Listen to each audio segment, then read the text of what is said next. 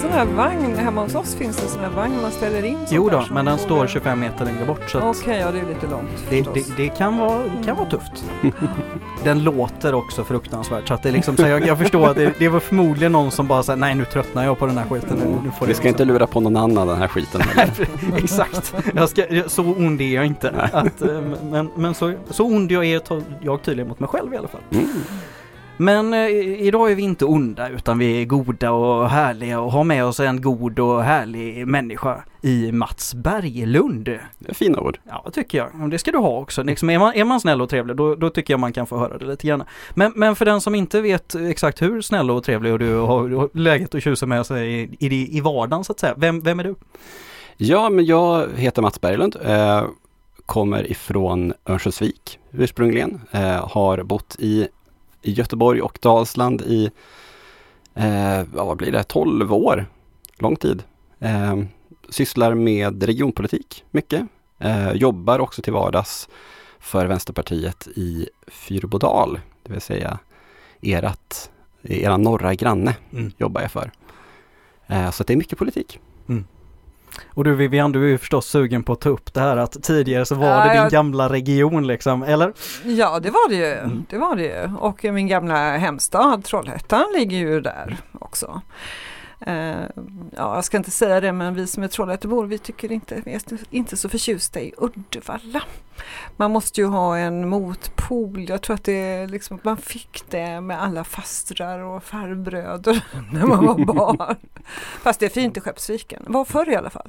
Var det. Det är svårt att få folk att åka mellan Uddevalla och Trollhättan. Det är det? Ja, ska, man ha, ska man ha möten så får man ha två, ett på varje ställe. Ja men gud det är så komiskt. Mm. Ja men det är så på riktigt alltså. Mm. Ja, men jag, jag kan ju säga liksom så här, det, det, det är ju nästan, alla sådana grejer blir ju mindre, alltså ju, mer ju mindre ort man är på.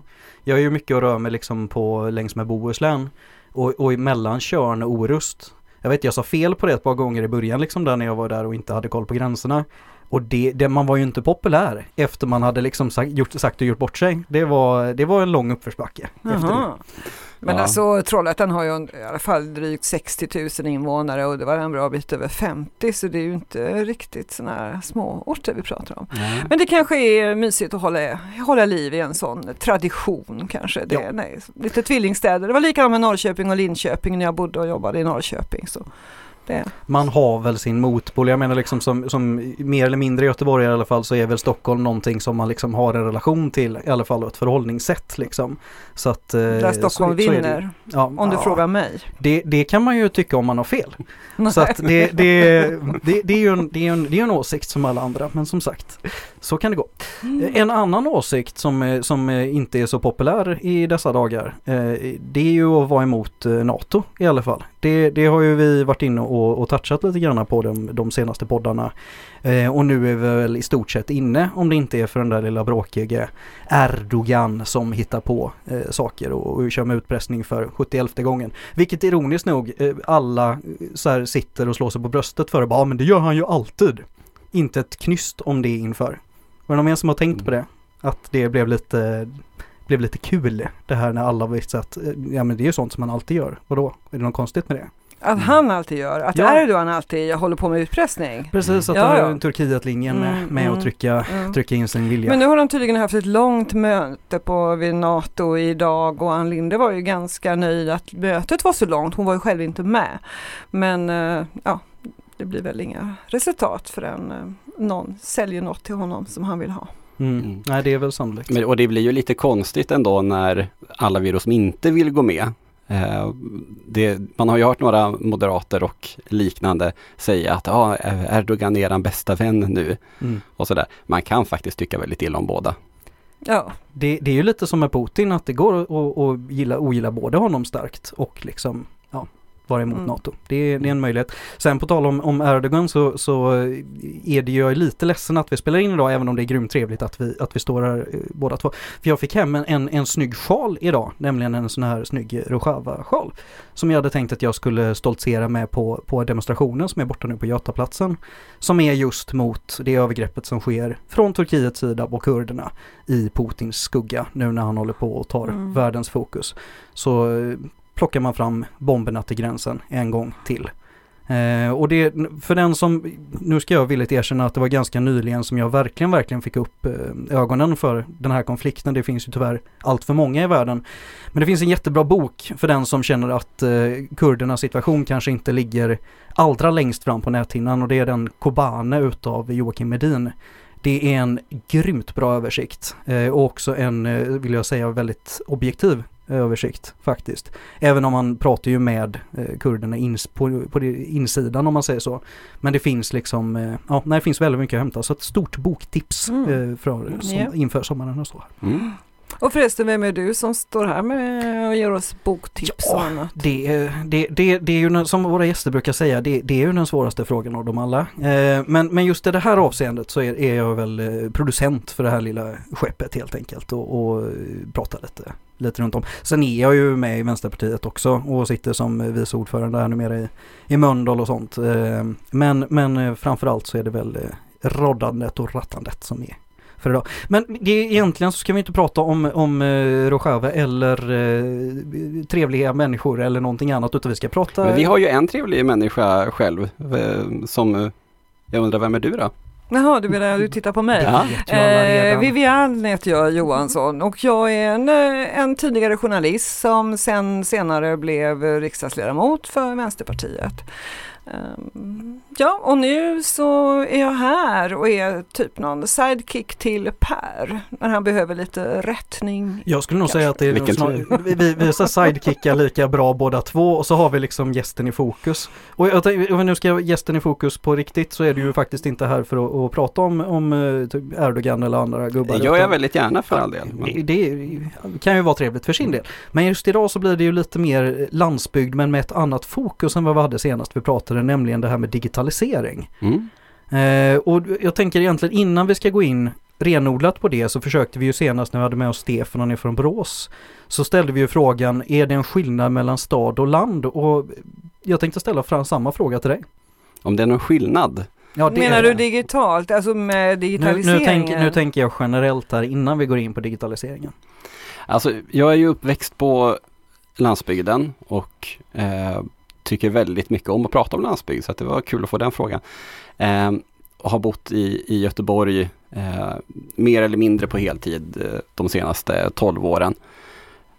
Och jag, jag kan väl säga att det, det, är en väldigt stor skillnad på väldigt många sätt. Och jag skulle säga att det, det jag framförallt har märkt är ju hur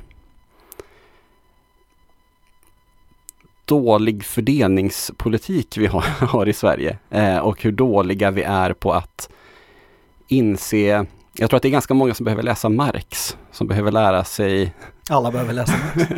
ja, men som, som behöver lära sig vart världen skapas. Mm. Eh, för det är, det är en väldigt eh, Det är en väldigt intressant grej där alla säger att, eh, ja men det är alla, men det är många säger att ja men det är Stockholm som Stockholm försörjer resten av landet. Eh, nu ska jag prata skit om Stockholm här då. Eh, det råkar ju bara vara så att huvudkontoren finns där. Eh, men att själva värdeskapandet sker ju ute i resten av landet. Mm. Och det är, jag, ja. förlåt, jag högg lite för tidigt där kanske. Men jag tänkte bara att vi skulle liksom bli överens om vad landsbygd är. För det, jag tror inte att alla vi menar samma sak. Alltså Göteborg är inte landsbygd. Är en liten stad i Mellansverige landsbygd eller har vi landsbygd precis utanför knuten också? Alltså det är lite, ja mm. vad, vad, hur tänker du?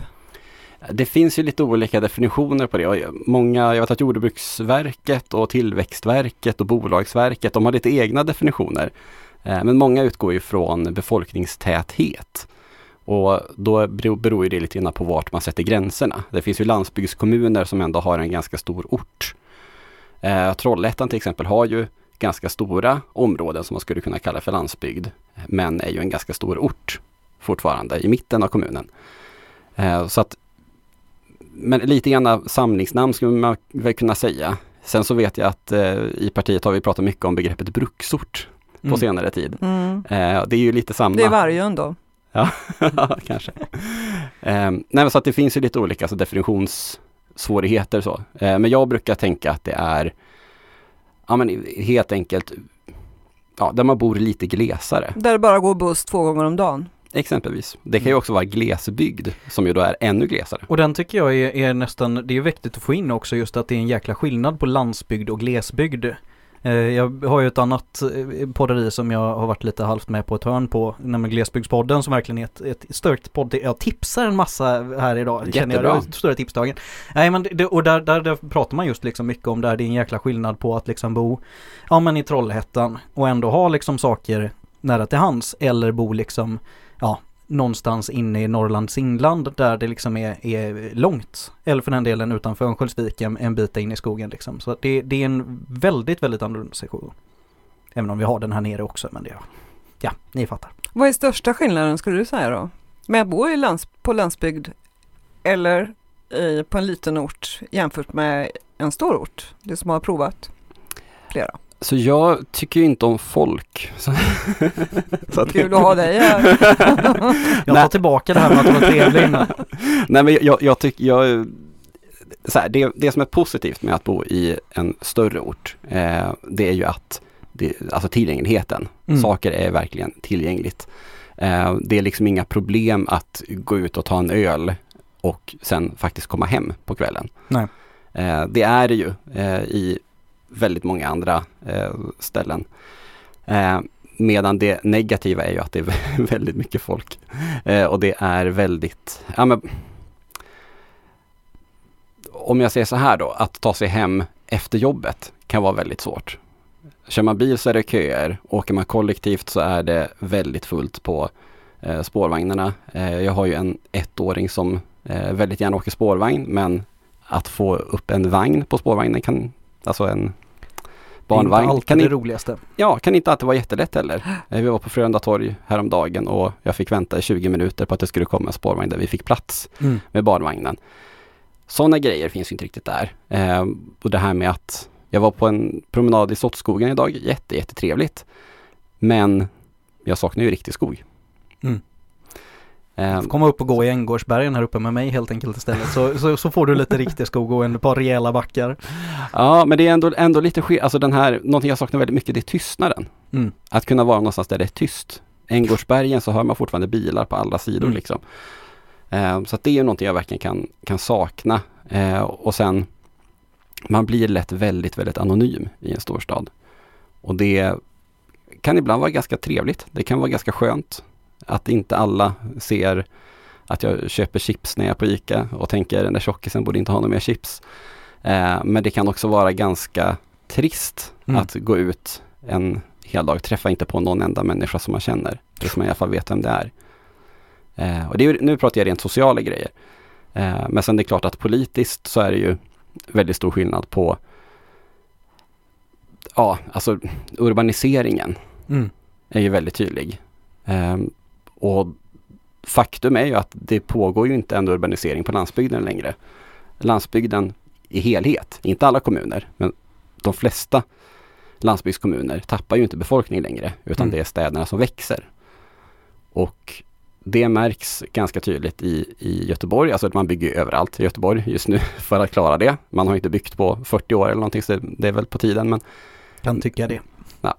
Medan om man pratar Dals-Ed eller Mm. man pratar Örnsköldsvik, eh, pratar Storuman så eh, är det istället att man måste stänga skolor, eh, äldreboenden, eh, flytta ihop för att få ekonomin att gå runt. Och det beror inte på att folk flyttar därifrån utan det, det är faktiskt politiska skäl. Om det inte beror på att folk flyttar därifrån, vad är det då det beror på? För de som eh, då inte flyttar, de livnär sig ju på något sätt och väljer att bo där. Så vad är problemet? Problemet är att en, eh, ska man vara lite krass, problemet är att en väldigt stor del av de som bor där är äldre och Mm. inte längre jobbar. Ehm, det, och, och det finns ju såklart anledningar till det, alltså att de, de yngre flyttar eh, och de yngre blir färre. Eh, och när, så flyttar man tillbaka när man blir gammal igen. För att då, då tycker man att ja, men nu har jag gjort min karriär i, i storstan, nu vill jag bo hemma. Mm. Och då, ja det är ju hemskt att säga, men då kostar man mer pengar än vad man bidrar med. Mm. Ja, det pratas ju en, eh, ibland i alla fall, även om det kanske har tappat lite i fart nu, men om en ny grön våg och och där håller du med om att det, det, är, en, det är på gång ändå att liksom, för nu, nu kan det ju vara liksom när det börjar bli trångt och fullt i våra städer och det boendet som finns är, är hutlöst dyrt. Tror vi att det kommer bli, fortsätta vara en trend liksom där det kanske ändå blir lite bättre spridning på våran befolkning? Alltså vad, vad jag har förstått så är det framförallt de storstadsnära landsbygdskommunerna mm. som går bra. Och det beror ju på att sådana som till exempel jag och min sambo då, som kanske vill ha hus, jag i alla fall, vi får se hur det går med henne. Eh, vill man ändå bo hyfsat nära en, en storstad mm. eh, och ha råd att köpa ett hus, om man inte är svinrik, ja men då måste man en bit ut nu. Mm. Då är Trollhättan, Allingsås, Uddevalla billigare mm. än Göteborg. Absolut. Och ja, då hamnar man ju där. Sen så kan det vara att många känner att ja, men jag vill odla och, och ha ett växthus och sådär. Det kan man ju ha om man bor nära stan också i, mm. i villa. Eh, men det kanske är lättare. Man får mer för pengarna och framförallt kan betala om man kommer lite, lite längre ut från stan. Mm. Men eh, kollar man på till exempel Storuman så där är det ingen grön våg.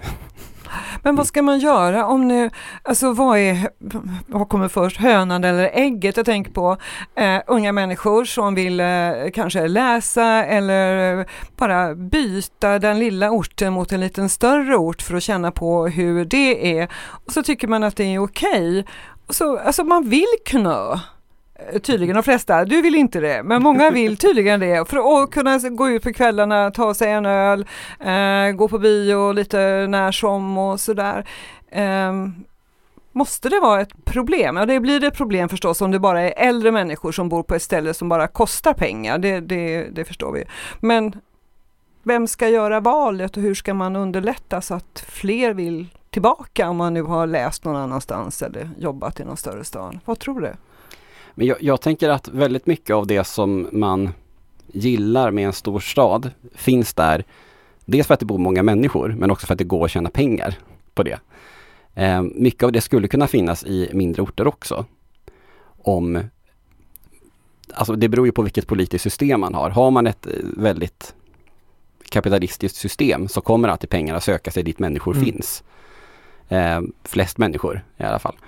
Eh, men om vi till exempel har ett rimligt eh, utjämningssystem, eh, alltså nu pratar vi skattepengar då, mm. eh, så kommer ju också ekonomin att gå bättre om man har ett system som är att till exempel de här st stora eh, pappersbruken, eh, gruvindustrierna, skogsbolagen betalar skatt där de faktiskt har verksamhet istället för där huvudkontoret eh, råkar vara så kommer de här kommunerna bli väldigt mycket rikare. Eh, man kommer kunna erbjuda väldigt mycket bättre samhällsservice till sina, sina invånare. De kommer bli mer attraktiva att bo i. Mm. Och man kommer också att ha råd. Då kanske inte är ett lika stort problem att man har en, en stor andel av befolkningen som är äldre. Men hur skulle du säga då, alltså Northvolt säger vi i Skellefteå, det byggs eh, och huspriserna går upp i Skellefteå, det är flera tusen som ska, ska jobba där. Eh, men Northvolt kommer inte att skatta en spänn i Skellefteå. Men eh, då antar jag att kommunen resonerar som så man får ändå in skattepengar på de som jobbar där, om de nu bor där permanent och inte liksom åker hem när de har jobbat färdigt. Uh, är det, ja man vill, skulle vilja ha förstås Northvolts skattepengar också. Varför mm. är det inte så? Får ni fråga regeringen om. Får bjuda hit dem. nej, nej, men jag, jag, tycker att det är jättekonstigt eh, att man får göra på det sättet. Eh, och det är ju också sådana problem med sådana stora arbetsplatser att man har många som är eh, ja, gästarbetare antingen från andra delar av Sverige eller utomlands som kommer som inte betalar någon, någon skatt där heller. Eh, många kommuner har ju, om man kollar Bohuskusten och sådär, har man ju väldigt, väldigt många sommargäster som bor där. Eh, man går på vårdcentralen, eh, man vill ha hemtjänst till exempel, men man, betalar, man har aldrig betalat ett öre i skatt i, i den kommunen. Eh, och där tänker jag, det, det, är min personliga åsikt, man borde kunna ha ett bättre skattesystem för det. Mm. Att man till exempel betalar, alltså att man har en sån grej, ja men tre månader per år så bor jag i den här kommunen. Då betalar jag också en fjärdedel blir det väl. Mm, men det är väl hemkommunen som betalar den som får hemtjänst till exempel eh, om den är, har hemtjänst i sin hemkommun och så vill man bo i, på Bohuskusten på sommaren och så ansöker man hos sin hemkommun och får göra det. Och det är väl Mm. i något enskilt fall bara som den sommarkommunen har nekat och det var väl mot regler och lagar i Mm. för sig. Så man får väl betalt för det som som kostar extra så att säga, men man får ju heller inga inkomster. Jag tror att det är lite olika. Jag vet att inför, eh, inför corona, eh, när det verkligen skulle slå och Gotland började bli rädda för, för sina kära Gotlands resenärer och, och sommarturister så var det ju mycket snack om att just de sk- skulle kosta mer än vad de smakade det året för att de skulle ta så mycket vård i anspråk. Eh, nu är det ett, ett extremfall men som jag fattade så är det inte riktigt allt som tas utav hembygden och hemkassan i alla fall utan att det fortfarande finns ett, en, en tärande, om vi ska vara krassa, del. Som jag förstod det. Men jag är inte, här, nu är jag ute. Ja, jag tror att du på ute på lös- lite nu är jag ute på att alltså. lösa Ja, det tror jag faktiskt. Jag ska inte heller, jag ska liksom inte käka upp någon hatt om jag har fel. Men jag, det, det ska vara så att det är hemkommunen som ska säga okej och då betalar man till den kommun som har gästar de tre månaderna om Mm. året. Men det är klart att för en sommarstuga eller så, du betalar ju inte alls någon skatt på samma sätt som man gör eh, om man bor och jobbar eh, permanent såklart, att det är mindre. Mm. Så det är klart att det är många mörka fönster på vintern som Mm. betyder lägre inkomster för kommunerna. Men jag, jag, jag tänker också om jag ska återkomma till det här liksom med vårt kapitalistiska system. Eh, så, så väldigt stor del av varför,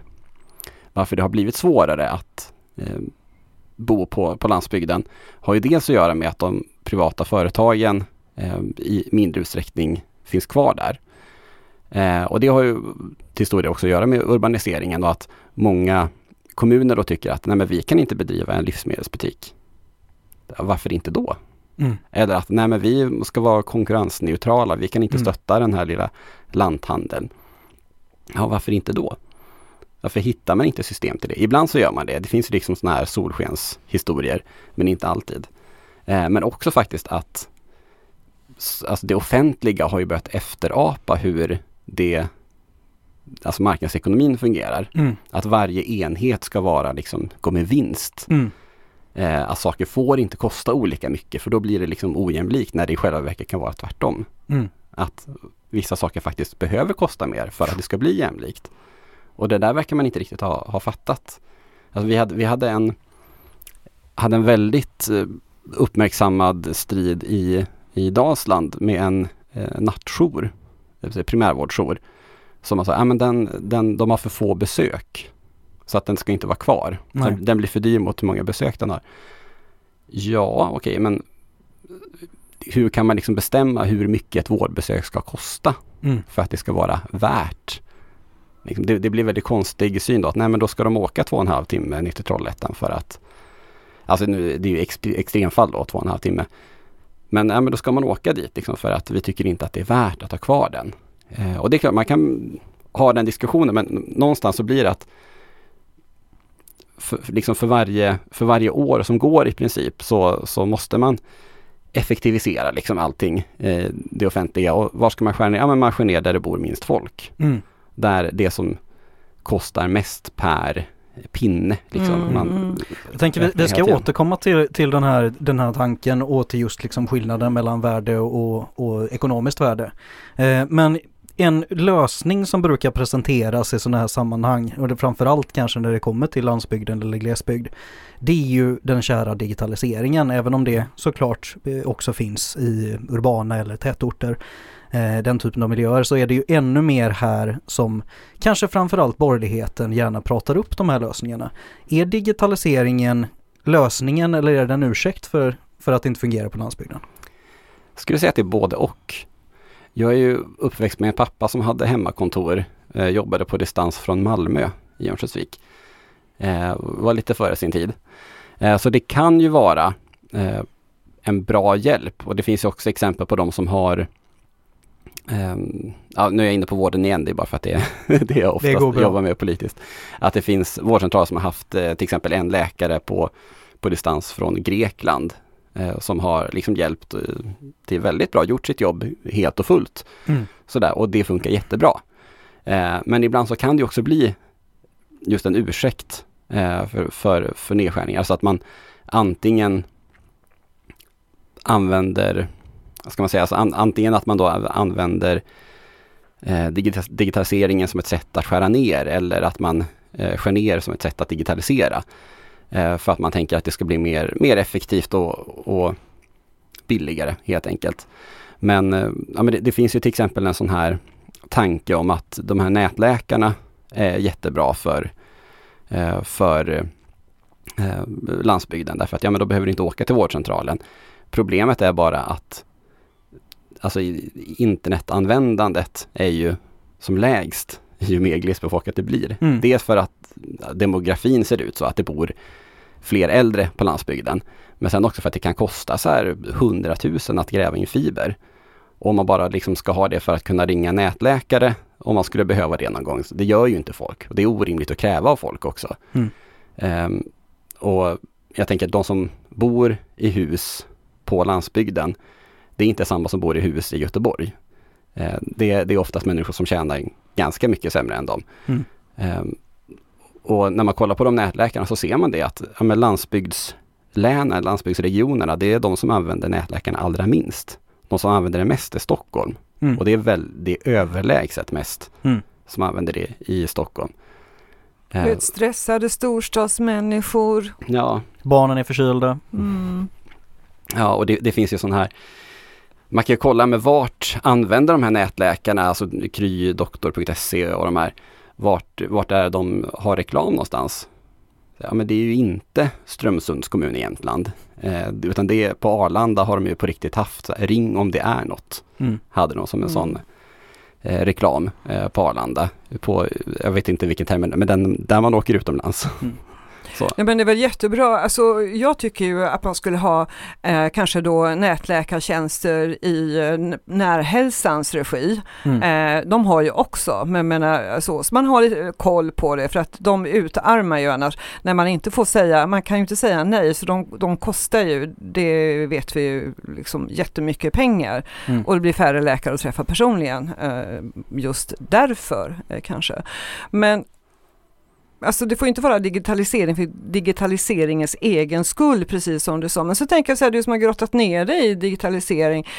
Är det fullt utbyggd eh, digitalisering i vårt närområde som vi pratar om utanför eh, till exempel Uddevalla, Trollhättan, Vänersborg, uppe i Dalsland.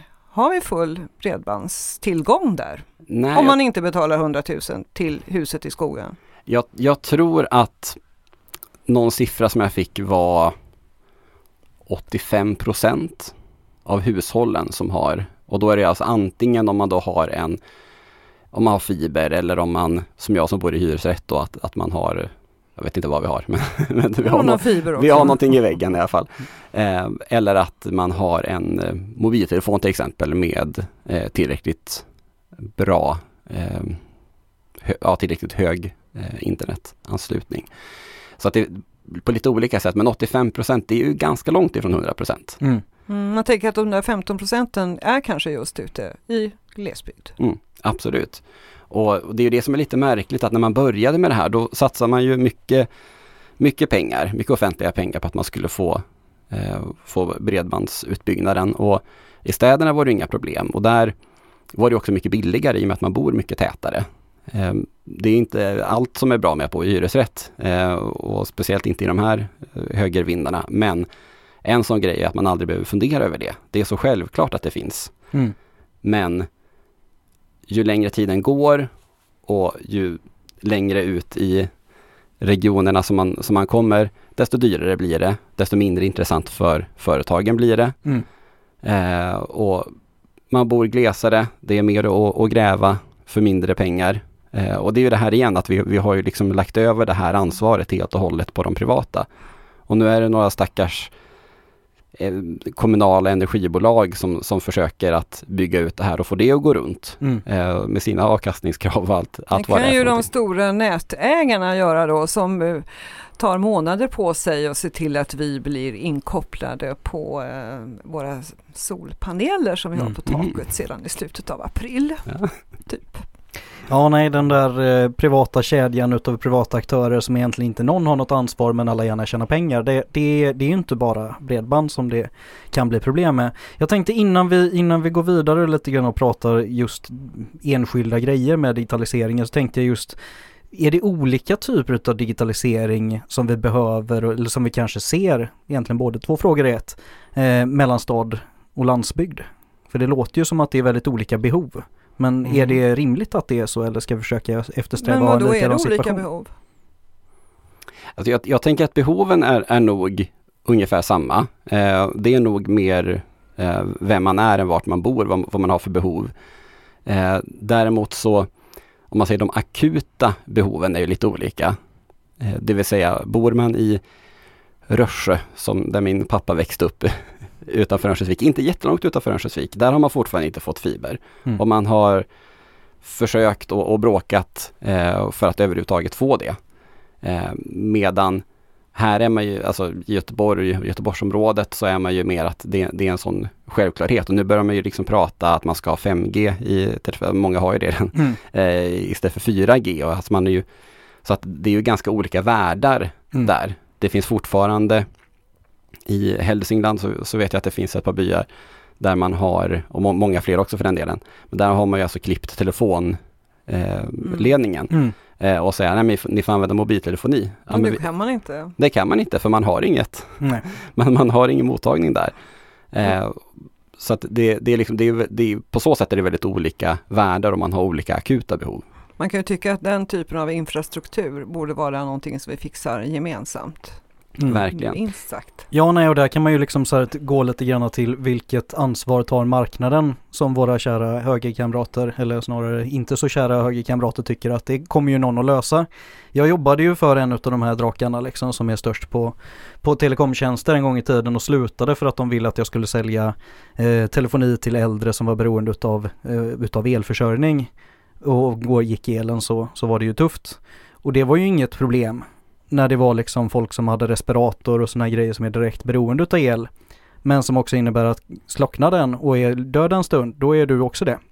Men det var ju inget bekymmer. Nej. Mm. Så att det, det är ju liksom, man, man kan ju inte, marknaden är inte ond i sig men den är heller inte god i sig. Och det, det får man ju inte inbilla sig alltså. Men man måste ju veta, det är ju som i skolan och pengarna där, alltså det är, de är där för att tjäna pengar. Mm, Det Mm. är liksom det är syftet. första ja, syftet. Mm. Helt klart. Jag tänkte en, en grej som är viktigt att, att, att säga här också, vi har varit inne och, och touchat på det flera gånger, men det finns ju också, framförallt när vi pratar landsbygden, så blir det ju en stor grupp äldre som kanske fortfarande inte riktigt är bekväma med att leva genom en telefon eller, eller ha datorn som, som bästa vän liksom.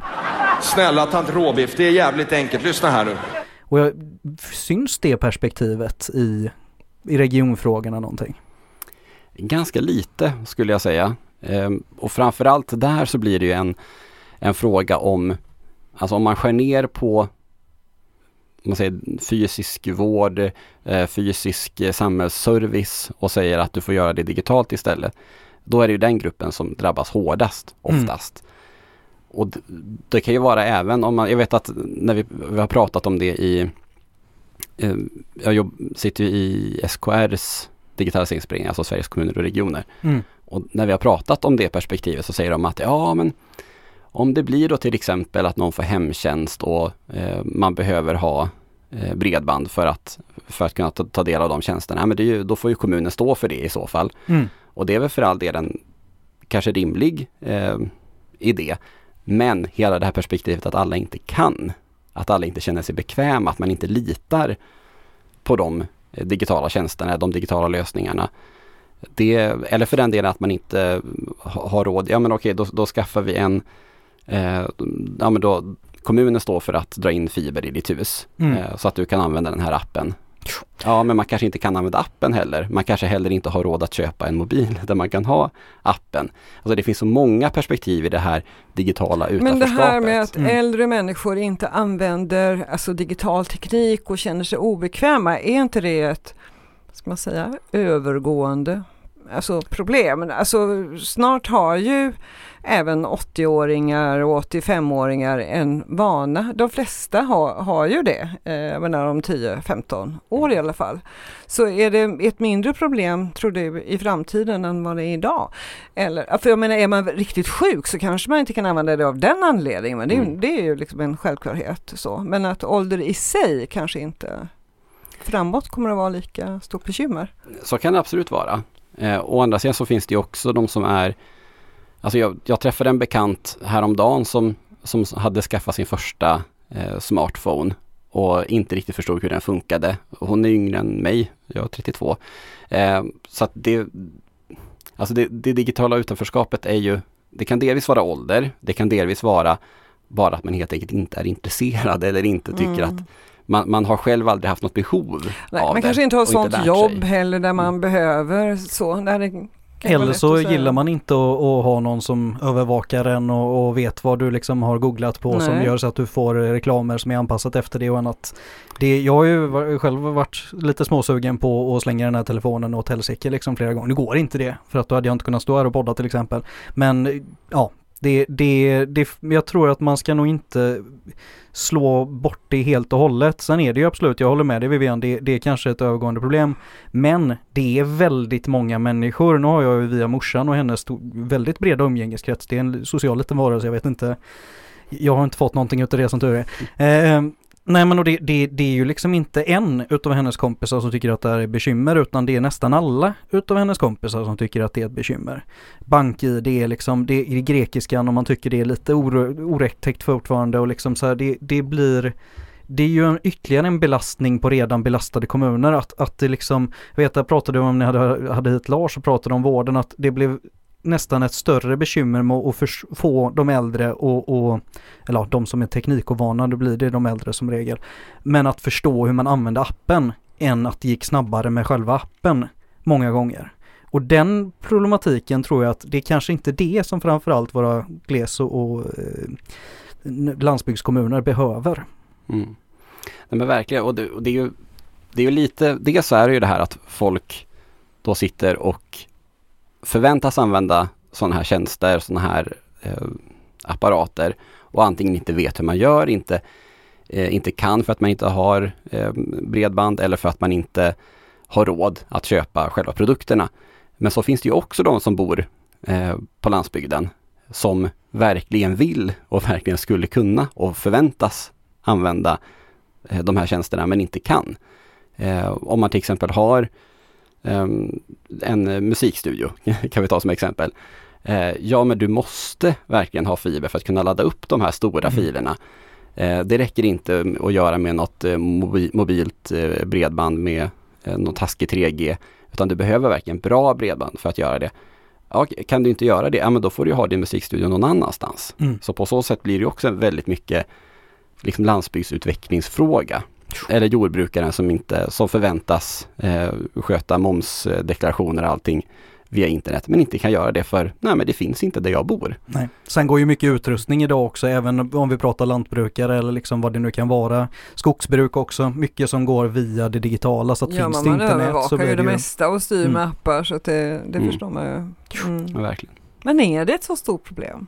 Alltså vet vi det? Du vet det? Att det är ett stort problem för Mm. lantbrukare och andra och så? Ja, men I, det- Dalsland typ? Ja men det gör det eh, och det är ju ganska stor del av de här 15 procenten som inte har tillgång har ju det just för att det inte är utbyggt än. Och det är klart att runt, runt Göteborgsregionen så är det inget problem men kommer man upp i ja, Munkedal, Tanum, Dalsed, Bengtsfors. Där finns det i tätorterna men kommer man bara lite utanför så finns det inte. Eh, och det är ett problem. Alltså skulle, skulle jag försöka få min sambo att flytta till eh, Munkedals landsbygd, vilket jag gärna hade gjort. Eh, så ja, men det är helt omöjligt. Jag menar hon jobbar med film. Hur skulle hon kunna lägga, ladda upp filer om inte vi har snabbt bredband? I övrigt kan jobba jättebra hemifrån, inga problem. Men det är just där det problemet ligger. Mm. Ja, när det ställer, ställer andra krav. Jag tänkte vi ska, vi ska återgå till, eh, till digitaliseringen och kanske framförallt till vården. För jag tänker en, en viktig aspekt som att få in Och det är ju för att jag, det här är en hjärtefråga för mig, eh, men det är ju de här kära nätläkarna och deras kostnader. För det tror Mm. jag att det är ganska få som egentligen är med på hur det systemet fungerar. För man tänker att nej men det är ju en vanlig vårdcentral vilken som annan. Jag betalar mina 100 kronor och sen så är det någon som, som löser det. Men det är ju inte riktigt så det fungerar. God vänner ute i stugorna. Utan det blir en ganska dyr historia för din kära vårdcentral. För det är nämligen din vårdcentral där du är skriven som vi betalar ish. Så i alla fall så var det på den gamla goda tiden. Nu, nu står, nu, det hör inte det, det vet inte du som lyssnar på detta för nu står Mats och skruvar sig som en mask i en stekpanna här alltså. Men eh, det är i alla fall, det, det, det är dyrare än de där 100 kronorna man ser. Men du får gärna fylla i hur dyrt det är Mats. Det är väl Mm. landstinget eller ja, numera regionerna som står för fiolerna. Mm, precis, eh, och man har ju använt, det blir ganska tydligt här vad marknaden gör med vården. Därför att det var då ett gäng som kom på att hmm, om någon går till en vårdcentral som inte ligger i den region där man är skriven så blir det väldigt dyrt för hemregionen. Till exempel om jag skulle åka till Kungsbacka då som ligger i Halland och gå till vårdcentralen så är det fortfarande Västra Götalandsregionen som betalar för det vårdbesöket. Eh, jag betalade ju lite på plats då, men resten betalade de. Och det var ganska, det var så här 1300 eller något sånt i början. Och då kom man på att har man en digital vårdcentral så kan, eller om man erbjuder då digitala vårdmöten, så kan ju personen stå liksom bredvid eh, sin rikt, alltså ordinarie vårdcentral och ringa till den här ja, nätläkaren som det då blir. Eh, och så blir det ändå ett utomlänsbesök, det vill säga man får ändå lika mycket betalt. Mm. Och hade Vänsterpartiet haft egen majoritet så hade vi tänkt att ja, men det här är ju ett kryphål de har hittat, det här är ju bara skit, vi förbjuder det här. Men så funkar det inte med något annat parti, utan då tänker de, ja men vi kan nog reglera det här på något vettigt sätt. Så då sänkte man, man har sänkt i flera omgångar ersättningen man får. Men problemet ligger inte så mycket i ersättningen utan det är ju att vad är den absolut billigaste vården att ge? Jo, det är någon som är orolig men inte har något egentligt problem. Mm. Du är snuvig och undrar när kommer det gå över? Och så säger läkaren, det kan jag tyvärr inte svara på, men eh, halstabletter, sömn, vatten, ta det lugnt, det kommer gå över. Kaching! Tycker du att det är rimligt att de här privata vårdföretagen tjänar hundratals miljoner på skattepengar?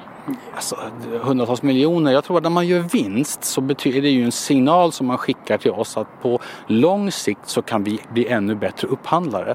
Om företag gör väldigt stor vinst så antyder det att vi är dåliga på att upphandla. Att vi inte pressar priserna mycket nog.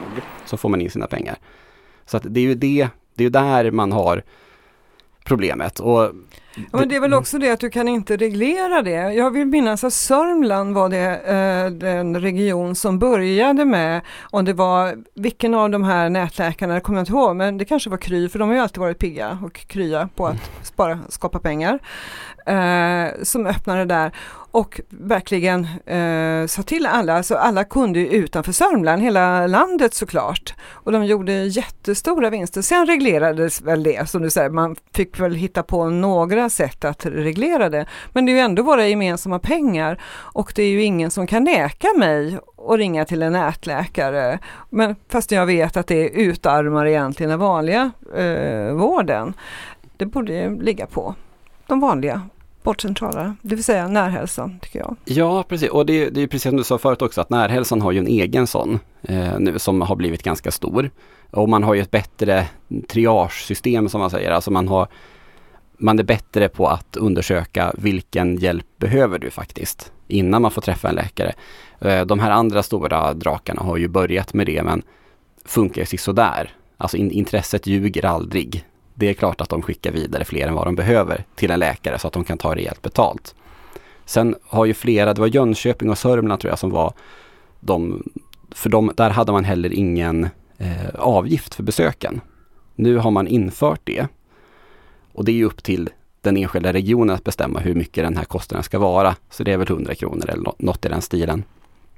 Men sen är det ju generellt sett ganska dålig vård man får också. Man kan inte göra jättemycket. De, de kan ju inte undersöka Man kan inte klämma, känna, sticka. Nej, Nej. nej. men precis. Och dessutom så det de skriver in, eh, eller Och sjukskrivningar får de inte göra heller.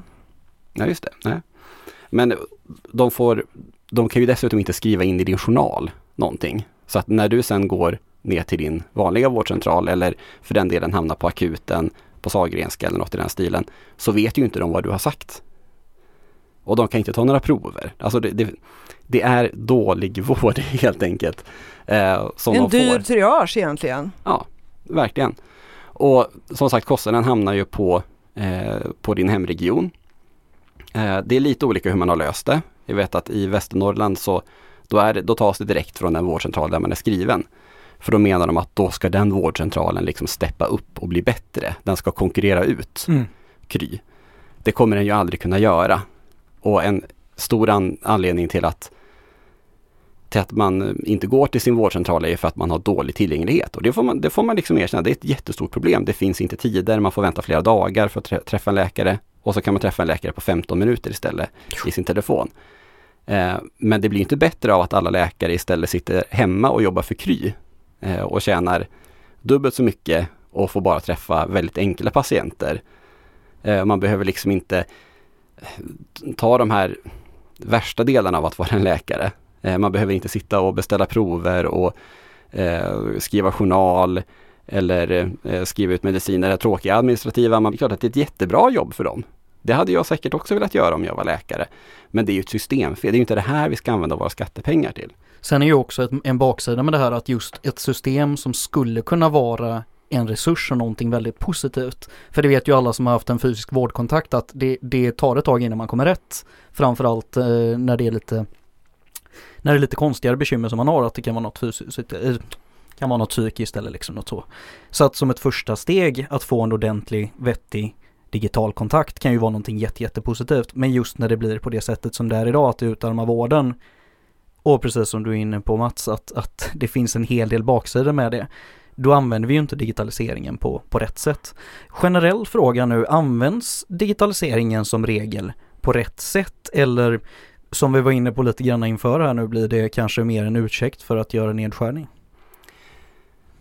Ja men både och. Jag tror att det är, alltså det finns väldigt bra exempel på, på digitalisering. Alltså jag har till exempel, jag hade en, en diabetesläkare på Sahlgrenska ett tag som jag träffade enbart digitalt efter vårt första, eh, första besöket jag hade där.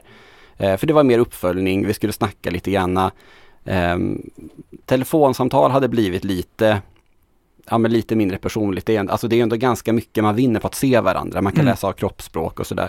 Han kunde se på mig om jag hade gått ner i vikt till exempel. Bara en sån sak. Så att jag inte jag ljuger och hittar på saker. Eh, nej men, och det funkade jättebra. Då är det så, ja men det är klart att det, det är svinbra. Eh, men så finns det ju också då till exempel när man stängde den här nattjouren som jag var inne på. Så säger man, ja, men man kan ju ringa, till nätläkarna om det, om det skulle behövas. Eh, eller som också i Dalsland, man hade svårt att få tag på psykolog. Och då sa man, ja men det är ju, det är ju lugnt. Eh, vi kan ju erbjuda digital psykolog istället. Då behöver vi inte hitta någon. Eh, och så säger man, ja men eh, alla kan inte använda det. Ja men då får de komma hit så hjälper vi dem. Mm. Och så tycker man att, ja men då så.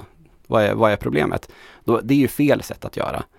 Men generellt sett så finns det väldigt mycket bra grejer som kan komma av eh, digitaliseringen. Och ett exempel är en, en kommun där man har automatiserat och digitaliserat hela, eh, hela processen med att få försörjningsstöd. Och det man, det man upptäckte var dels att det går väldigt mycket snabbare. Alltså man får reda på om det var samma dag eller dagen efter, hur mycket pengar man får och man får pengarna snabbare. Man slipper liksom stå och berätta om hela sitt liv och liksom Ja, jaha men du, här har du köpt eh, tuggummi för eh, 15 kronor. Det, det får du inte göra. Eller något sånt där, utan det det blir liksom mer anonymt på det sättet. Och det, och det har, Mölndal har det systemet och så, Mm. så kör de stickprov med ojämna mellanrum på. eh, Och det, men jag vet inte hur effektivt det har varit. Men jag vet, jag vet inte om det är på prov heller, men jag vet att de har haft det i något år i alla fall. Mm, just det. Men det, det, det tycker jag är en jättebra grej och att ja, men det, dels det här att det blir inte lika jobbigt och det, det har ju också gjort att fler faktiskt har sökt försörjningsstöd. Det var någon kommun i Skåne som jag hörde om som hade gjort det. Mm. Eh, och det tänker jag är jättepositivt att folk faktiskt liksom vågar göra det istället för att nej men jag, jag vill inte sitta med en person och, och läcka ut liksom mitt eh, personliga och privatekonomi och, och allt sånt där. Eh, och att man faktiskt ja, kan göra det då. Eh, och sen, sen, så tänker jag allt möjligt sånt här ja, hemarbete för de som har möjlighet. Eh, för det är väl också en, en bra grej. Men alla de här grejerna är också så att man måste göra det på rätt sätt. Och jag tror att det är det att när det används på när det används på fel sätt så är det lätt att man bara, ja men digitalisering är dåligt. Och när det används på bra sätt så tänker man, ja men digitalisering är jättebra. Jag tror att det har mest att göra med hur man gör det. Att man har liksom respekt för, ja men till exempel människors integritet. Det finns ju många, speciellt borgerliga, som vill, gärna vill ändra lagen. Eh, så att man ska kunna digitalisera och använda datan på olika sätt. Mm. Så man får alltså informationen som man... Men polis, socialtjänst, skola? Mm. Ja men bland annat. Eh, men också att man ska kunna använda eh, molntjänster som det heter. Alltså man, man förvarar eh, datainformation om människor, till exempel journaler eller eh, ja, det kan vara liksom förskoleinformation om, om förskolebarn på eh, andra företags servrar istället för sina egna då för att det ska bli mer effektivt på något sätt och man ska kunna bearbeta datan på olika sätt. Um, och det, ja, men då är det ändå det är ju, jag tycker inte att det är en lag man ska ändra på eh, för att det liksom blir billigare eller ja, effektivare på något sätt. Ja, men då kommer det väl hända som det hände med apoteket och med flera som fick eh, lämna ut uppgifter om vad folk köpte på nätet på till exempel apoteket. Mm. Alltså risken finns ju alltid för att det finns ju alltså värdefull information för många företag mm. eh, på ett sånt moln. Mm. Mm. Ja men precis, och, och, sen så finns det ju också e exempel på när, när eh, ja men om vi fortsätter på socialtjänsten så där så finns det ju numera då en tjänst som gör att, att när en person söker försörjningsstöd eller man söker eh, hos Försäkringskassan eh, eller man söker hos eh, Migrationsverket eller vad det kan vara eh, där man då tror att ja, men jag har nog rätt till den här ersättningen. Eh, och att de då kan liksom dela information med varandra. Eh, om personen i fråga då också ger sitt medgivande såklart. Alternativet är att man ska springa och hämta blanketter och få information att ta till en av de här myndigheterna eh, själv. Och det är inte alla som gör det och så blir man utan och så gör man fel och så kanske man ger upp. Det är ofta mm. människor i inte jätteenkla eh, situationer som eh, som gör det. Det är ett jättebra sätt att, att effektivisera genom digitaliseringen så att personerna som jobbar i socialtjänsten kan göra vettigare saker än att hjälpa folk att fylla i blanketter. Eh, det är liksom sånt som alla tjänar på. Men där är ju till exempel Moderaterna emot. Jag säger att nej men folk ska göra det själva därför att det är karaktärsbyggande. Mm. Mm. Eh, det är danande att göra så. Ja, jättebra att göra fel och inte göra det alls. Allra helst och så. Nu börjar tiden alldeles springa ifrån oss och jag tänkte istället för att vi ska ta ytterligare en avstickare så tänkte jag på nu när vi har en, en lite sådär avsluta på en negativ ton så tänkte jag berätta om ett riktigt sånt där litet eh, körsbärsfall på någonting väldigt positivt som jag sprang på här nu när jag satt och läste tidningen häromdagen. Nere, nere i Helsingborg så finns det ett boende som heter Selbo har ni hört talas om det? Nej, det låter litet. Det, det kan man tro. Eh, det är inte så himla litet faktiskt, utan ganska stort. Eh, men boendet går i alla fall ut på att man ska rikta sig till grupper som lever i ofrivillig ensamhet. Och få dem att hitta en yta där de kan leva i en social miljö men som ändå inte är ett kollektiv. Och inte ett speciellt boende utan det är ju vanliga lägenheter. Studentrum, studentkorridor. Ja men lite så, alltså det, det, man blandar helt enkelt grupper som, som utav olika skäl har svårt att komma in både på bostadsmarknaden men kanske i samhället i stort också. Så det är en stor grupp ensamma äldre. Det är en stor grupp en, ensamkommande flyktingar. Och sen har det ytterligare då en, en grupp med unga men etablerade i samhället. Eh, och då får de helt enkelt bo på en gemensam yta. Det har pågått ett par år nu. Och det går skitbra. Jag skulle aldrig passa mig.